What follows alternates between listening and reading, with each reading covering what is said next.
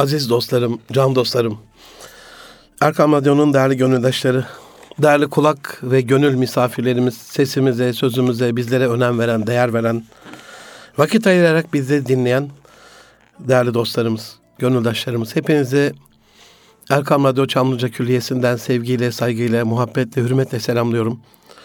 Hepinize hayırlı günler diliyorum efendim. Erkam Radyo'dasınız. Erkam Radyo'da Münir Arıkan'la Nitelik İnsan programındayız. 2019'un 44. programında gönlümüzü yaralayan şu anda dünya üzerinde fitnenin, fesadın artmasına bir şekilde katkısı olan, vesile olan tam ağır olabilir bir kelime. Mevcut durumumuzun, geri kalmışlığımızın, ekonomik ilerlemeyişimizin, alem İslam'ın, İslam ülkelerinin bilimde, fende, teknolojide tam olarak gelişmemesinin ızdırabını yaşayan bir kardeşiniz olarak İslami indeksi e, anlatmak istiyorum bu programda sizlere. İslamilik indeksi. Birazdan ne olduğunu tam olarak açıklayacağım. Eğer bize ulaşmak isterseniz can dostlarım nitelikli insan et erkamradyo.com e-mail adresinden et Münir Arıkan veya et Erkam Radyo tweet adreslerinden bize ulaşabilirsiniz.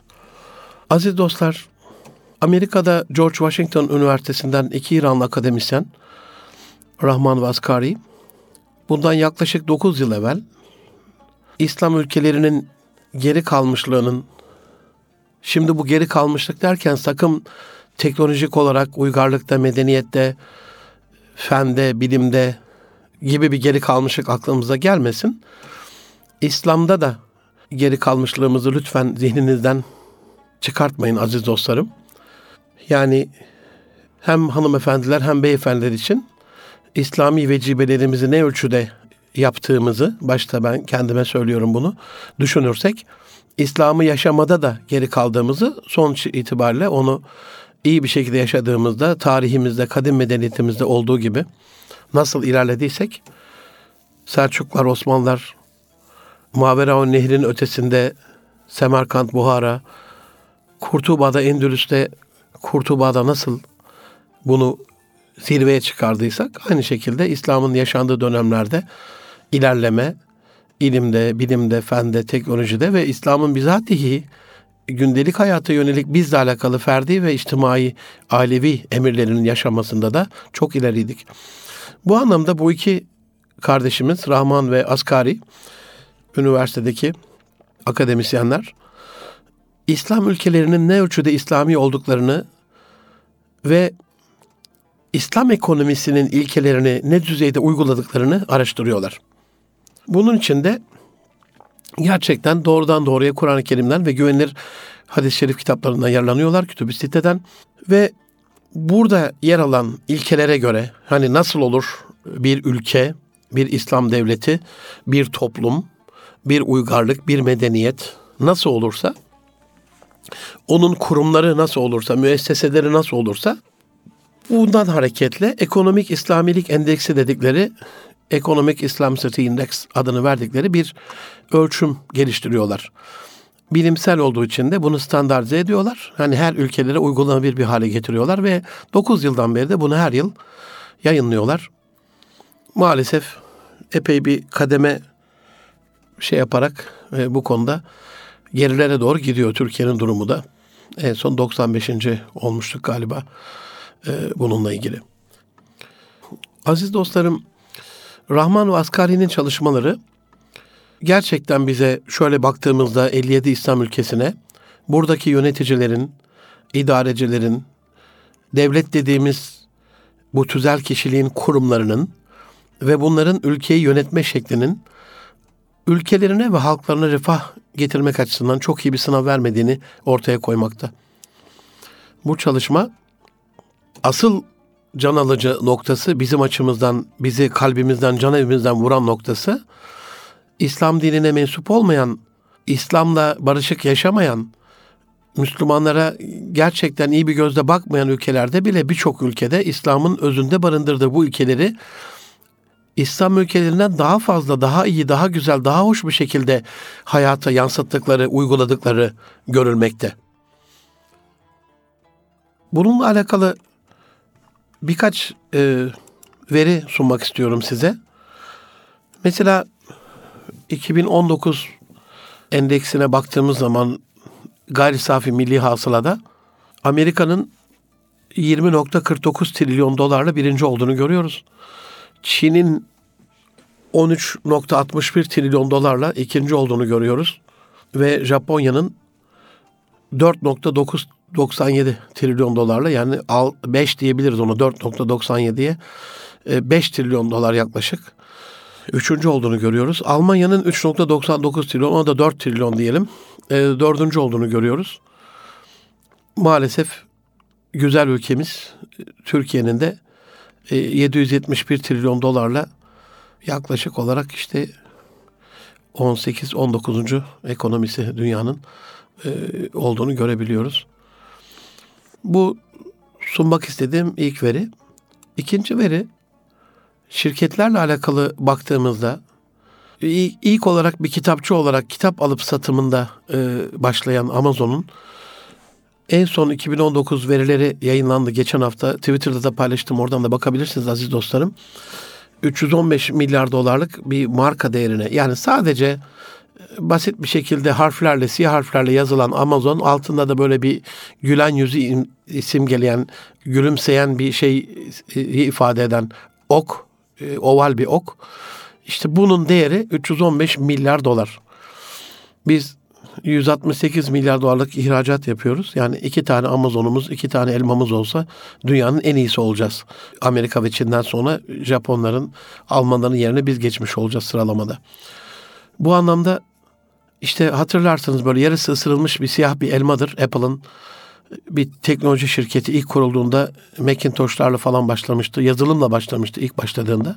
309 milyar dolar basit bir arama motoru diye düşündüğümüz ama altında aslında matematiksel bir algoritma yatan yani Google ne şirketi diye sorsanız bana muhteşem bir matematik şirketi diye söylerim size.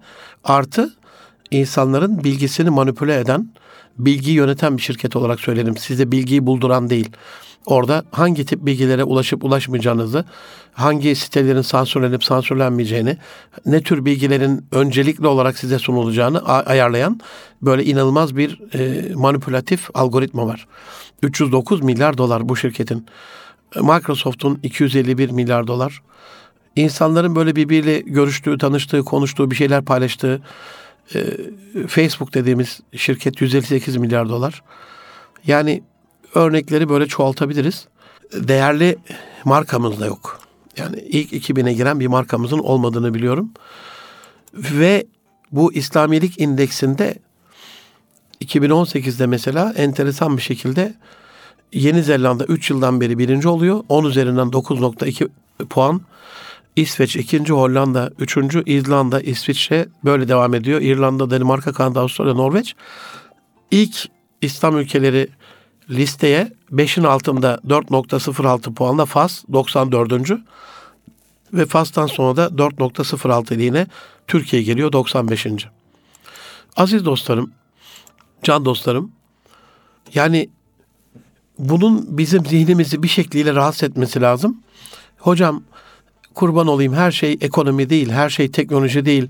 Teknolojinin bir taraftan bizim hayatımızı kolaylaştırdığını düşünürken öbür taraftan akıllı telefonların aptallaştırdığı, sihirli kutu diye evlerimize koyduğumuz televizyonların bizi bölleştirdiği, banallaştırdığı, e, hızlı araba diye daha hızlı e, birbirimize gideceğiz diye bindiğimiz arabaların bizi birbirimizden uzaklaştırdığı. Evet bu konuda haklısınız. Ben de sizinle aynı şekilde düşünüyorum. Ama şu anda son Suriye'de Barış Pınarı harekatında inanın orada şehit olan Mehmetçiğin kanı e, bizi mahşerde boğar. Biz ne kadar teknolojik gelişme yaşarsak, teknolojiye ne kadar ilme, bilime, fenne sahip çıkarsak o kadar dünya yönetiminde söz sahibi olup mazlumların zalimler tarafından ezilmesini, kızlarımızın tecavüze uğramasını, annelerimizin tecavüze uğramasını, erkek kardeşlerimizin öldürülmesini, babalarımızın, dedelerimizin kesilmesini önlemiş oluruz. Dünya tarihi bunu aynen böyle gösteriyor. En güçsüz olduğumuz vakitlerde Haçlı ordusu birleşerek tahrumar etti, talan etti yine aynı şekilde 100 yıl evvel Anadolu'yu nasıl talan ettilerse şu anda Barış Pınarı Harekatı'nda nasıl Avrupa bir anda ayağa kalktı, NATO ayağa kalktı, Amerika inanılmaz iğrenç tweetlerle bir devlet başkanı yakışmayacak şekilde taciz eden, tahkir eden, aşağılayan bir üslupla çirkefleştiyse Kıbrıs'ta da bunu yaptılar ve hep yapacaklar. Ama biz Osmanlı döneminde donanması en güçlü ülkeyken bize karşı seslerini çıkartamıyorlardı. Amerikan başkanının attığı tweetlere benzer mektupları dedemiz kanuni gönderiyordu Avrupa'ya ve o mektupla ülkeler yönetiliyordu. Bu anlamda hocam biz İslam'a bakalım, İslam'ı yaşamaya bakalım. Teknolojiyi, bilimi, fenli gelişmişlik olarak görmeyelim diyorsanız düşmana silahıyla karşılık veremediğimiz, bir karşılık barındıramadığımız, bulunduramadığımız, geliştiremediğimiz bir dünyada en son görüyorsunuz yani Selçuk Bayraktar kardeşimin bu sihaları, İHA'ları savaşın kaderinde nasıl önemli bir rol oynadı, nasıl bizi ferahlattı, nasıl gönlümüzü e, ferahlattı, yüreğimize su serpti. Dolayısıyla bulunan her teknolojik teçhizatın hem bu ülkeye kazanç hem küfür dünyasına gidecek ithalatımızda onlara verdiğimiz parada azalma hem de bu ülkenin zenginleşmesiyle kendine güveninin gelmesiyle alakalı bir katkısı olacağını ama bütün bunların ötesinde bunu asıl mazlum coğrafyadaki kanı gözyaşını dindirmekle alakalı bize verilen ihya, inşa e, ve imar görevini yapmamızla alakalı bize yardımcı olacağıdır. Bu anlamda düşünülmesi gereken en rahatsız edici gerçek dünya nüfusunun %22'sini oluşturan 1.7 milyar Müslümanın dünya üretiminden sadece 5.6 ihracattan sadece %9 teknoloji ihracatından ise maalesef binde dördünü gerçekleştirmiş olmalarıdır. Yani bizim bundan bin yıl evvel robot yaptığımız bir coğrafyada Dicle'nin kenarında El Cezeri'nin abdest alma robotu sadece onlar değil şamandıra sistemleri, hidrolik sistemleri, mekanik sistemleri aradan geçen bin yıl zarfında bile geçerli yitirmemişken biz özellikle Ali Kuşçularla, Ulu Beylerle, rasathanede, astronomide, astrolojide gerçekten NASA'nın ilk e, altyapısını e, biz kurmuşken, bu kadar ileri gitmişken şu anda sadece bu şeyde seyirci olmamız e, gönlümü yaralıyor. Aziz dostlarım, İslamilik endeksini Rahman ve Asgari kardeşler Amerika'da George Washington Üniversitesi'nde üç alanda inceliyorlar. Bir, incelenen ülkedeki hukuk sistemi nasıl, yönetim nasıl? Yani adalet. İnanın kadim İslam tarihinde uygarlığımız sadece bu maddeyle ihya oldu.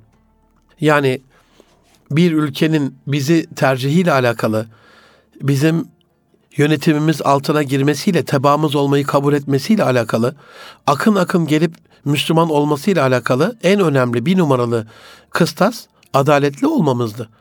Adaletimize güvendiler. Dediler ki burada eminiz biz. Burada hiç kimse kayrılmaz. Dolayısıyla namusuyla yaşayan insanlar için dünyanın en güvenilir toprakları İslam ülkeleri oldu. Şu anda kendimize bir soru soralım. Acaba Akdeniz'de boğulan o küçük yavruların günahı kimin boynunadır? Ülkelerini geliştiremeyen, orada siyasi istikrar sağlamayan, hükümeti etkin bir şekilde yönetemeyen, hukuk devleti ilkelerine uygun bir adalet sistemi kuramayan, yolsuzluklara ayyuka çıkmış, yargı bağımsızlığına müdahale eden, bağımsız mahkemelerini işletemeyen, kuramayan, ordunun siyaset ve yargısına karıştığı İslam ülkeleri işte halklar bundan kaçıyorlar. Küçük teknelere 3 kişilik, 5 kişilik teknelere 50 kişi binerek ölümü göze alarak olmayan hukuk sistemi ve olmayan iyi yönetimden din olmasa, İslam olmasa bile en azından orada daha iyi yaşayacaklarını düşündükleri için oraya kaçıyorlar. İnanın dünya tarihinde de aynısı oldu.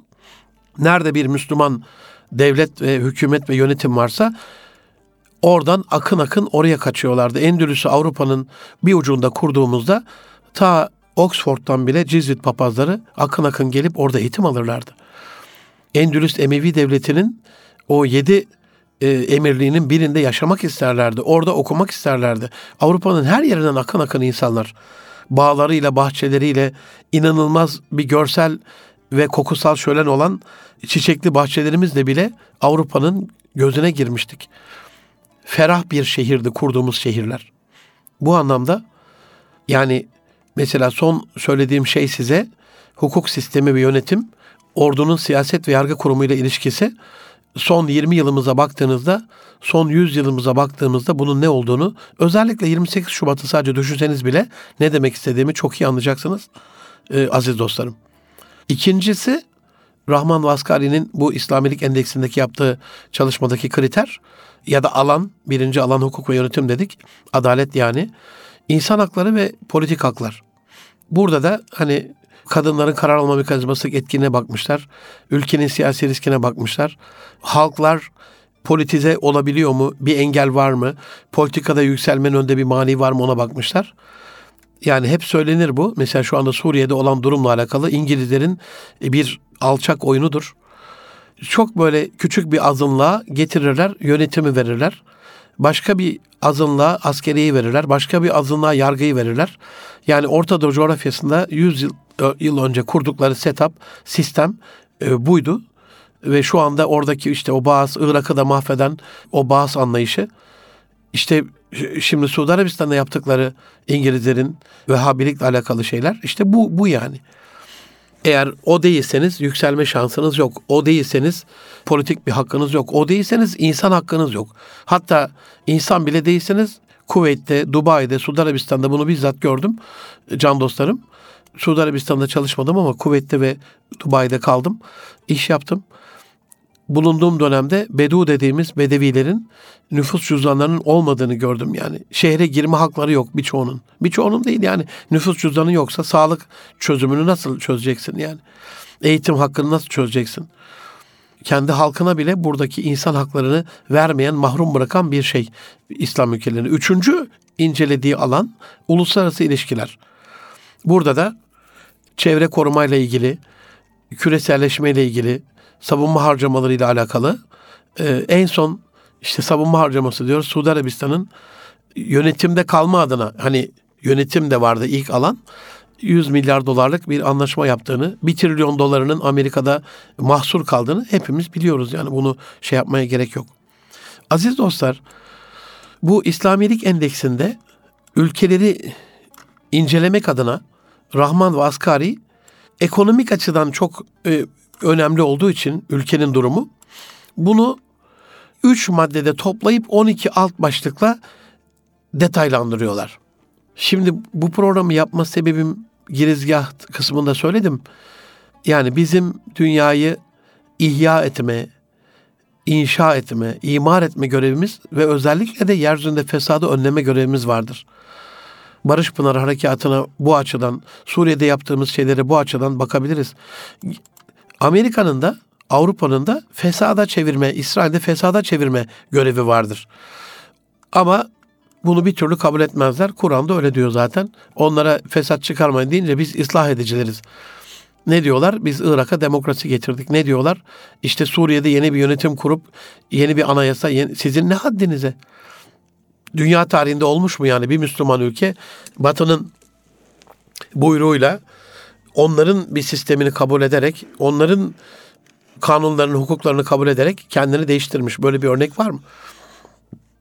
Mısırlı Türk asıllı Müslüman alim Muhammed Abduh'un Batı'ya gittim İslam'ı gördüm fakat Müslümanlar yoktu. Doğu'ya gittim Müslümanları gördüm fakat İslam yoktu sözünü bu meyanda unutmamamız lazım.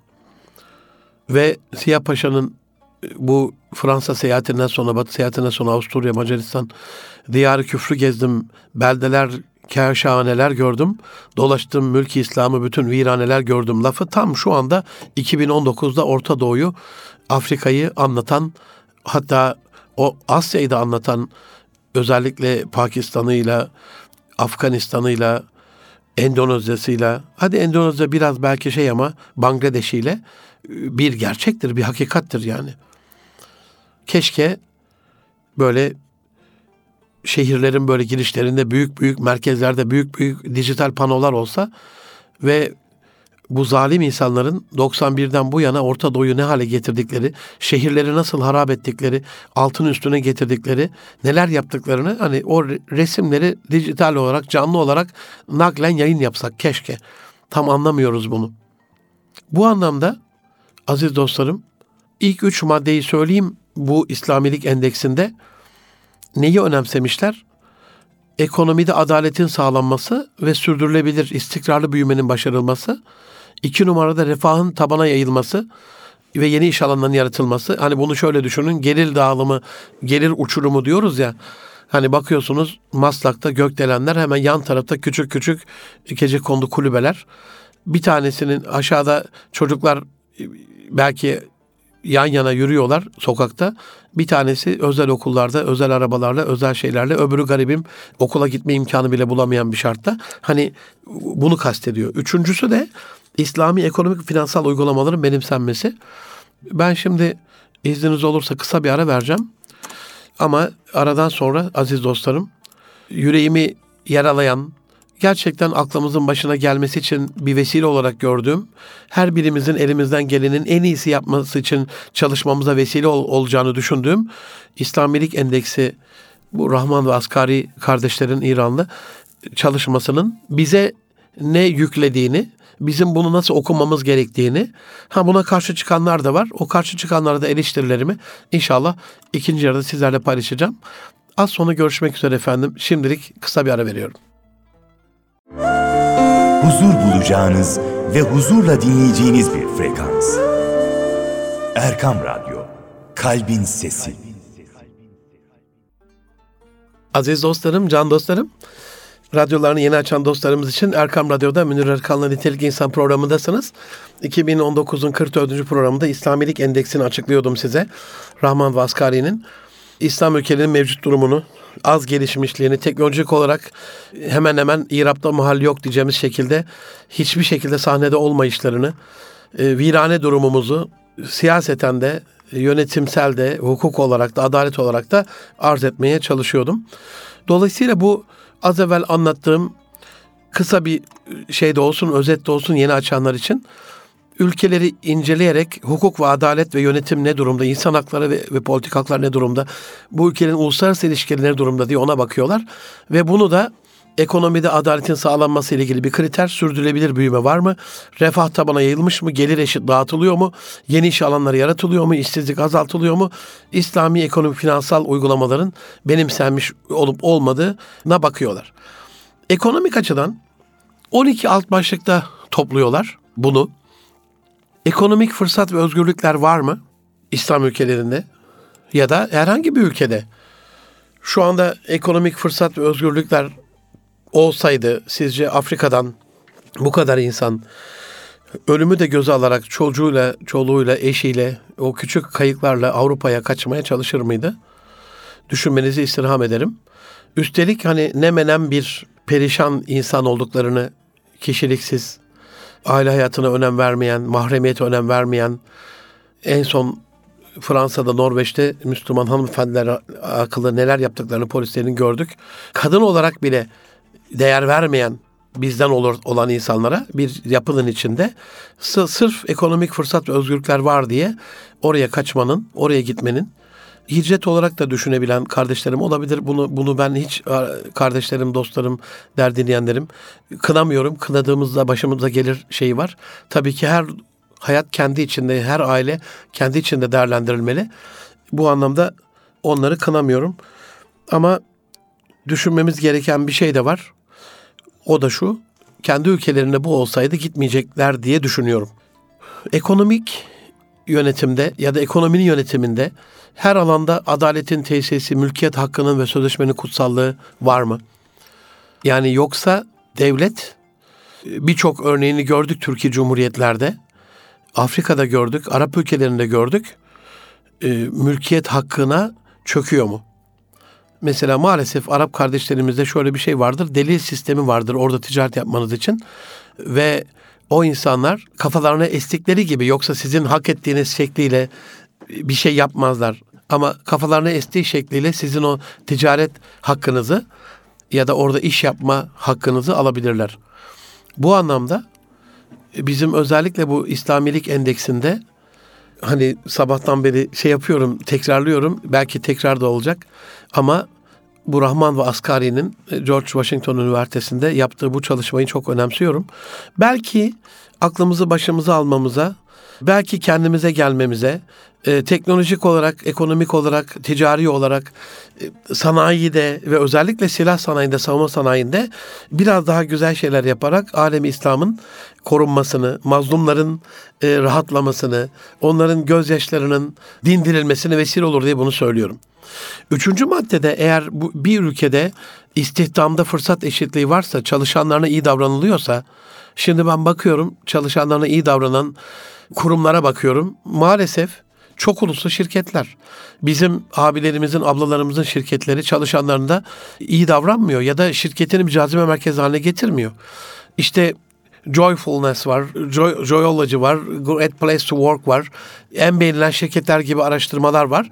Bu araştırmalarda şirketlerini bir cazibe merkezi haline getirmişler ve çalışanlar şu anda Türkiye için de geçerli bu. Maalesef ve maalesef Müslüman ülkelerde değil, Müslüman şirketlerde değil, Müslüman yöneticilerin emri altında değil, yabancı ülkelerde yabancıların emri altında ve onların himayesinde e, çalışmayı benimsiyorlar. Neden? Onlara daha iyi davranıldığı, fırsat eşitliği sağlandığı ve iyi davranıldığı için.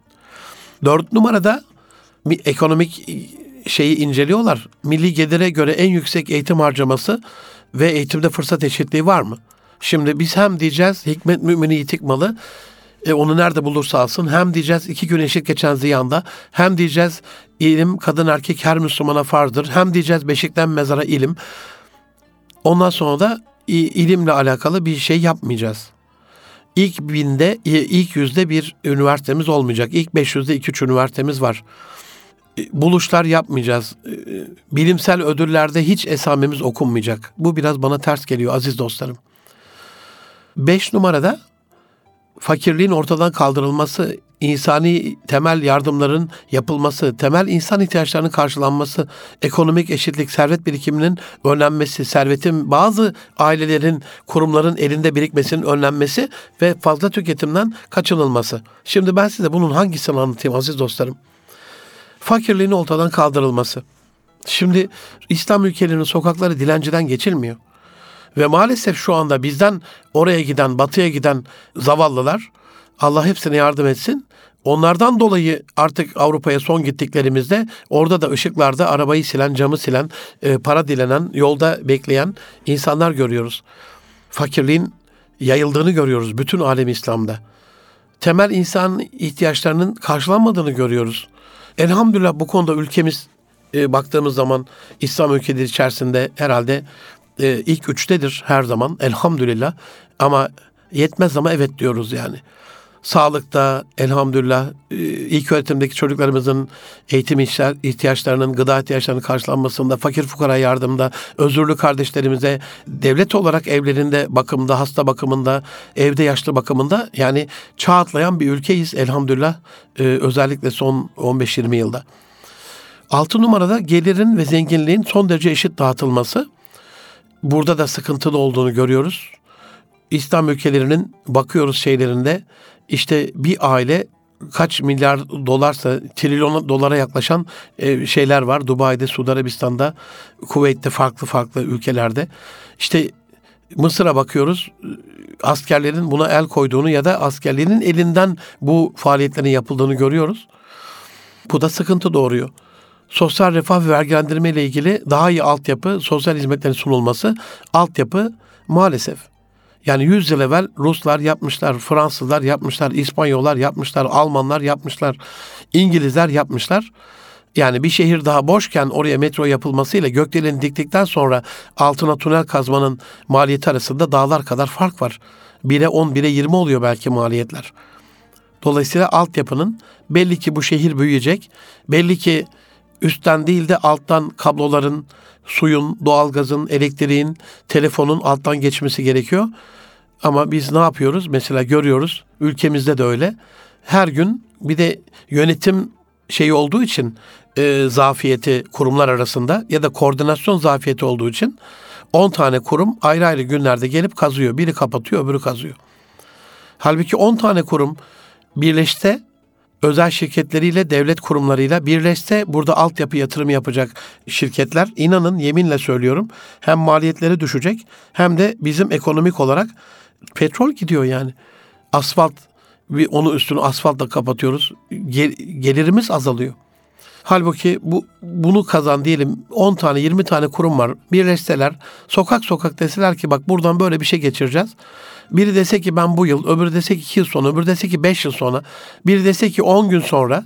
Hani bunlar birleşerek oraya altta bir tünelin oluşumuna katkı payı ödeseler ve bu yapılsa ve bir daha hiç kazılmasa göremezsiniz yani. Çok nadirdir yurt dışında altyapısını iyi yapan e, ülkelerin fazla tüketimden kaçılması diyor şimdi. Servet birikiminin önlenmesi. Yani hangisini sayayım ki? Yedi numarada gelirin ve zenginliğin eşit dağıtılması. Sekizde sosyal refah vergilendirme ile daha iyi altyapı sosyal hizmetlerin sunulması. Sosyal hizmetlere bakıyorsunuz. Yani gençlerle ilgili İslam ülkeleri nasıl bir sosyal hizmet sunuyor? Onlar nasıl bir sosyal hizmet sunuyor? Doğal ve tüket, tükenebilir kaynakların iyi yönetilmesi, yüksek tasarruf ve yatırım yapılması. Şimdi 10 yıldan beri Twitter'da ben artık tweetlerimde tüy bitti yani dilimde tüy bitti denir ya. Özellikle e, Elon Musk'ın e, enerji şirketinde kiremitleri bile artık güneş enerjili panellerle yapmasından yola çıkarak yani hesapladım da bunu hatırlayacaksınız 55 milyar dolarımız gidiyor canlar her yıl dedim enerjiye. Sadece kiremitlerden bunun 15-20 milyar dolarını kazanmamız mümkün. 15-20 milyar dolarını da evlerde yalıtım yaparak kazanmamız mümkün. Yani faturalarımız kış dönemi şimdi girdi artık yavaş yavaş Türkiye'ye kış. Kış geldi artık. Yani gerçekten keşke her kış geldiğinde Almanya'da devlet bir kurumun iskanına nasıl izin veriyor? Gelip orada nasıl bir yalıtım testi yapıyor? Bu keşke bu izletilse kamu spotu olarak. Yüzde ikinin üzerinde kaçak varsa izin vermiyorlar. Ama bizde inanın evin içi yol geçen hanı oluyor. Yani öyle bir esinti var ki. Bu ne demek esintinin olması? Isıttığın evi muhafaza edemiyorsun. Soğuttuğun evi muhafaza edemiyorsun. Yazında kışında problem. Yüksek tasarruf ve yatırım yok maalesef. Piyasada bütün ekonomik işlemlerde güvenin, dürüstlüğün, yüksek ahlaki standartların sağlanması, yolsuzluk olmaması. Şimdi ben arada yolum düştüğünde Tahtakale'ye konuştuğum esnaf var. Oradaki Yahudileri şey yaparlar. Hocam çok dürüstler. Şaşmaz diye söz veriyorsa yani çek senet almaya gerek yok. Yarın 100 bin dolar dediyse yarın getir onu. Biz de onlarla iş yaptığımızda peşin yaparız. Çünkü bize güvenmezler. Bu nasıl perhiz, bu nasıl lahana turşusu bilmiyorum yani. İslami finansal sistem 9. madde yani borçlanmaya dayanan anlaşma yerine riskin paylaşımı. Sadece borç ve taksit öde değil, bir risk anlaşması. Bir de aracıların, spekülatörlerin ortadan kaldırılması, finansal bir sistemin kurulması. İnanın şu anda 57 İslam ülkesinin finansal, İslami finansal sistemle alakalı, enstrümanlarıyla alakalı yeni fonların ya da araçların oluşturulmasıyla alakalı üniversitelerindeki yaptığı araştırmalar 57 İslam ülkesinden daha fazladır. Bu sözüme inanın. Bir şekliyle İslami finansal sistem diyoruz 10. maddede ama faizi yürürlükten kaldıran finansal uygulamalarda da yokuz. Ya da yokuz demesek bile az varız. Öbürleri bunu çok daha düzgün, sistematik bir hale getirmişler. Ve milli gelire oranla 12. madde ekonomide yüksek ticaret hacmi var mı? Dış yardımlar, yüksek düzeyde çevresel koruma var mı? Piyasanın sıkı denetlenmesi sağlanıyor mu? E, refah düzeyini devlet ile sağlanıyor mu ona bakıyorlar. Aziz dostlarım bu İslamilik indeksinde George Washington Üniversitesi'ndeki bu İran akademisyenler Rahman Vaskari bunun dışında yani üç madde ana inceleme e, dalları hukuk sistemine bakıyorlar, ülkenin yönetimine bakıyorlar. Bir, insan hakları ve politik haklara bakıyorlar. İki, uluslararası ilişkiler bakıyorlar. Üç, ve bunları da ekonomik e, ekonomide adaletin sağlanmasıyla e, sürdürülebilir büyüme, refahın tabana yayılması ve İslami ekonomik finansal uygulamalar ilgili 3-3 e, 6 maddede 12 alt başlıkta da ekonomik olarak az evvel anlattığım gibi arz ettiğim gibi inceliyorlar. Bunun dışında çok enteresan 6 maddeleri daha var. Güven birincisi Saygı için ikincisi, hakkaniyet üçüncüsü, gurur dördüncüsü. Gurur burada sizi yanıltmasın. İletişim beşincisi ve biz olma, takım ruhu, aidiyet altıncısı. Şimdi buna bir bakalım isterseniz. Kişilerin birbirine güveni. Bize ne söylenir? Bu devirde babana bile güvenmeyeceksin. Yani güven. Güven yoksa hiç başlamak daha iyi ya da herkesin güvenini kaybeden daha ne kaybetsin aziz dostlarım. Kişilerin kurumlara güveni. Bunu ülkemiz açısından da düşünün. Hani bir kuruma gittiniz, işiniz rast gidiyor mu? Bir kurumda işiniz görülüyor mu?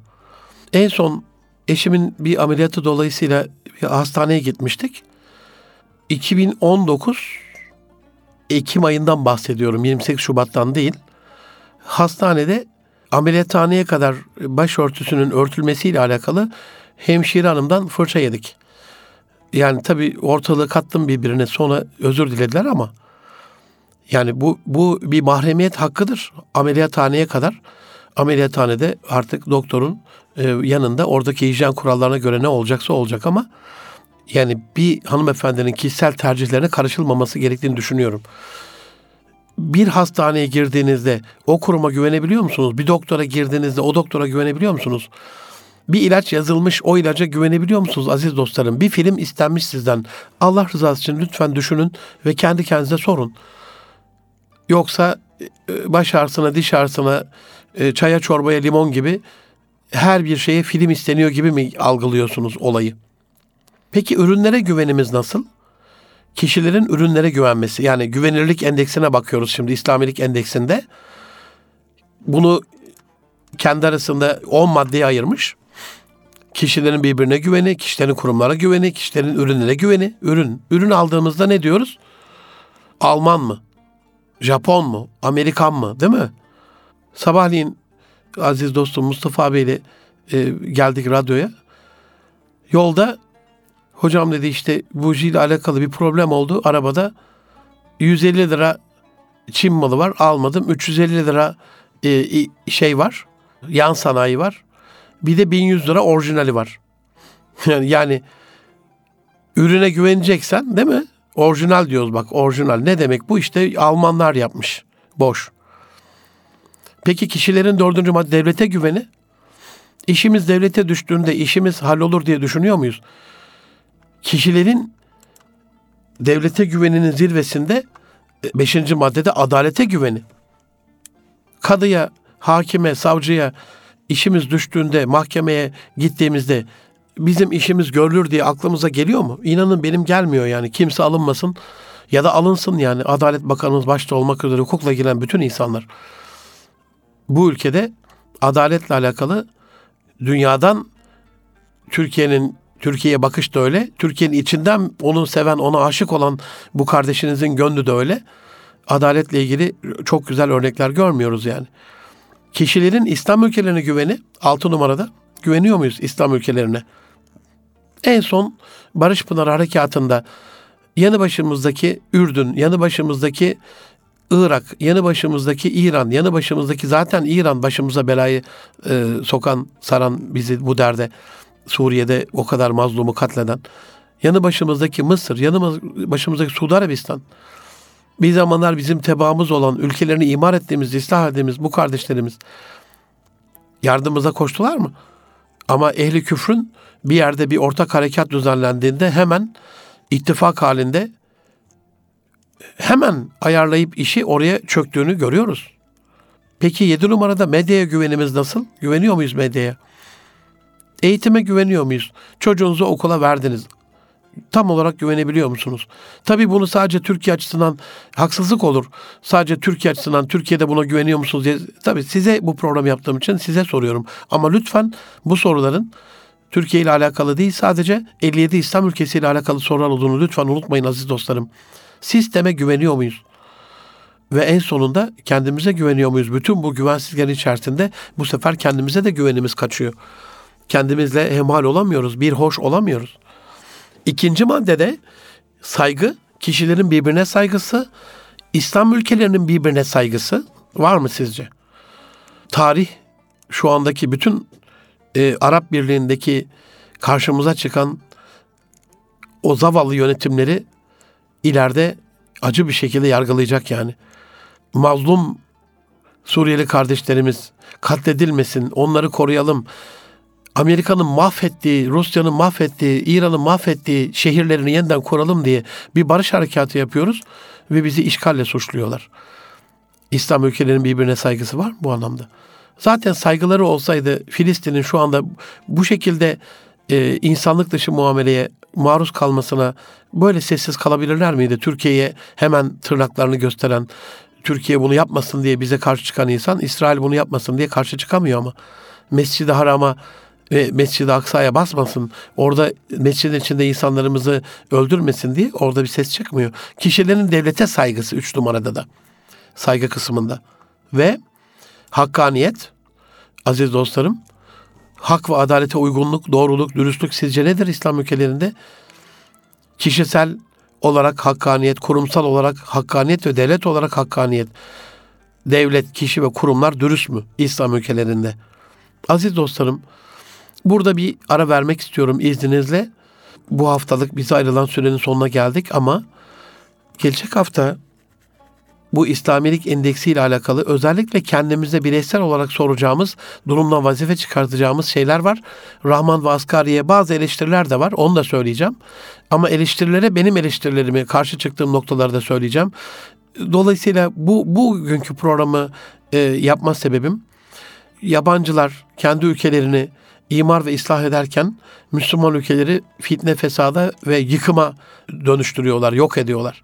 Burada uyanıp teknolojik olarak bilimde, fende, sanayide, silahta, savunmada gerçekten bunlara bilimsel bir cevap veremezsek, gerçekten teknolojik olarak bir cevap veremezsek hem mahkum olacağız ellerine yapacağımız iyiliklerde ambargo koyarak bize o silahı, o uçağı, o füzeyi satmayarak bizi o tarz bir gelişmeden mahrum bırakarak hem bizi mahcur bırakacaklar, kısıtlayacaklar hem de Hani biz kısıtlandığımız yerde bu ülke sınırlarını kapatır gül gibi yaşar sorun yok. Ama bu dünya onu yapılacak bir dünya değil şu anda o ayrı ama o ayrı bir diplomasi konusu. Ama asıl görevimiz olan yeryüzünün ihyası, inşası, imarıyla alakalı, yeryüzünde fitnenin, fesadın önlenmesiyle alakalı, mazlum coğrafyalara bir nebzecik bir güzellik götürülmesiyle alakalı. Her zaman söylerim Serdar Çam abim gel şu anda TİKA'nın başında şeyde baka yardımcısı olduğundan dolayı e, TİKA'nın faaliyetlerini, Yunus Emre'yi, değil mi? Yurt dışı Türkleri, Dışişleri Bakanlığımızı, Türkiye Cumhuriyeti'ni elhamdülillah milli gelire oranla dünyada en fazla mazluma yardım eden ülke olmanın gururunu yaşıyoruz. Ama inşallah bu gurura gelecek hafta hem İslamilik endeksinde bir miktar kendi özümüze dönmek adına bir durumdan vazife çıkartmak adına bir hasbihal yapmış olacağız. Hem de aziz dostlarım Allah lütfederse inşallah bundan sonra çocuklarımızı yetiştirme ile alakalı, onlara iyilikler, güzellikler yaptırmakla alakalı gerçekten gelecek çok zor olacak. Bu zorluğu onlara anlatmakla alakalı. Dolayısıyla geleceğe şimdiden hazırlanmakla alakalı. İşte asıl bu programı yapma sebebim de buydu. Gelecek hafta inşallah görüşünceye kadar her şeyin gönlücü olmasını Yüce Rabbimden niyaz ediyorum. Görüşmek üzere. Allah'a emanet olun. Hoşça kalın efendim.